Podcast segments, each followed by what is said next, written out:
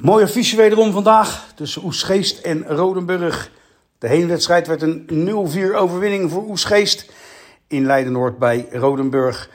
Vandaag Oesgeest startend vanaf de tweede plek met 32 punten uit 14 wedstrijden. Rodenburg met 19 punten uit 14 wedstrijden op een negende plek. Ja, de eerste helft was een uh, ja, wat stroperige eerste helft. Weinig baltempo, vooral vanaf de kant van uh, Oestgeest. Al kwam het wel al na zes minuten op voorsprong door uh, Bob den Hollander. Het werd 1-1 uit een strafschop door Van der Rijden. En daarmee leek het ook de ruststand te gaan worden. Maar het was wederom Bob de Hollander die de Oestgeestenaren nog op slag van rust op een 2-1 voorsprong zette.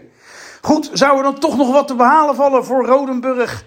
Dat uh, leek snel voorbij in de tweede helft. Na een paar minuten te hebben gespeeld was het uh, Peres Alberts van een meter of 30 met een prachtige goal. En dat betekende de 3-1.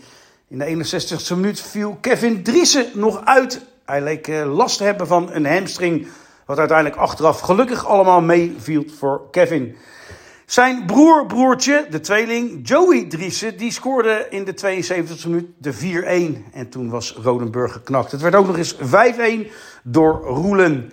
Er had meer ingezeten voor Rodenburg vanmiddag in Oestgeest. Het mocht helaas niet baten. Het verliest uiteindelijk ruim met 5-1 van, uh, van Oesgeest. En uh, ja, Rodenburg moet uh, toch wel gaan waken hoor. Moet naar onder gaan en blijven kijken. Heeft nog wel een voorsprong van 6 punten tot uh, onder de veilige streep richting de na-competitie. En Oestgeest, ja, die moet nu gaan uh, kijken wat Tijlingen gaat doen tegen Meerburg. Verspeelt Tijlingen punten, doet Oestgeest vandaag goede zaken. Volgende week gaat Oestgeest uit naar Nicolaas Boys. En Rodenburg mag het thuis gaan opnemen tegen SJZ.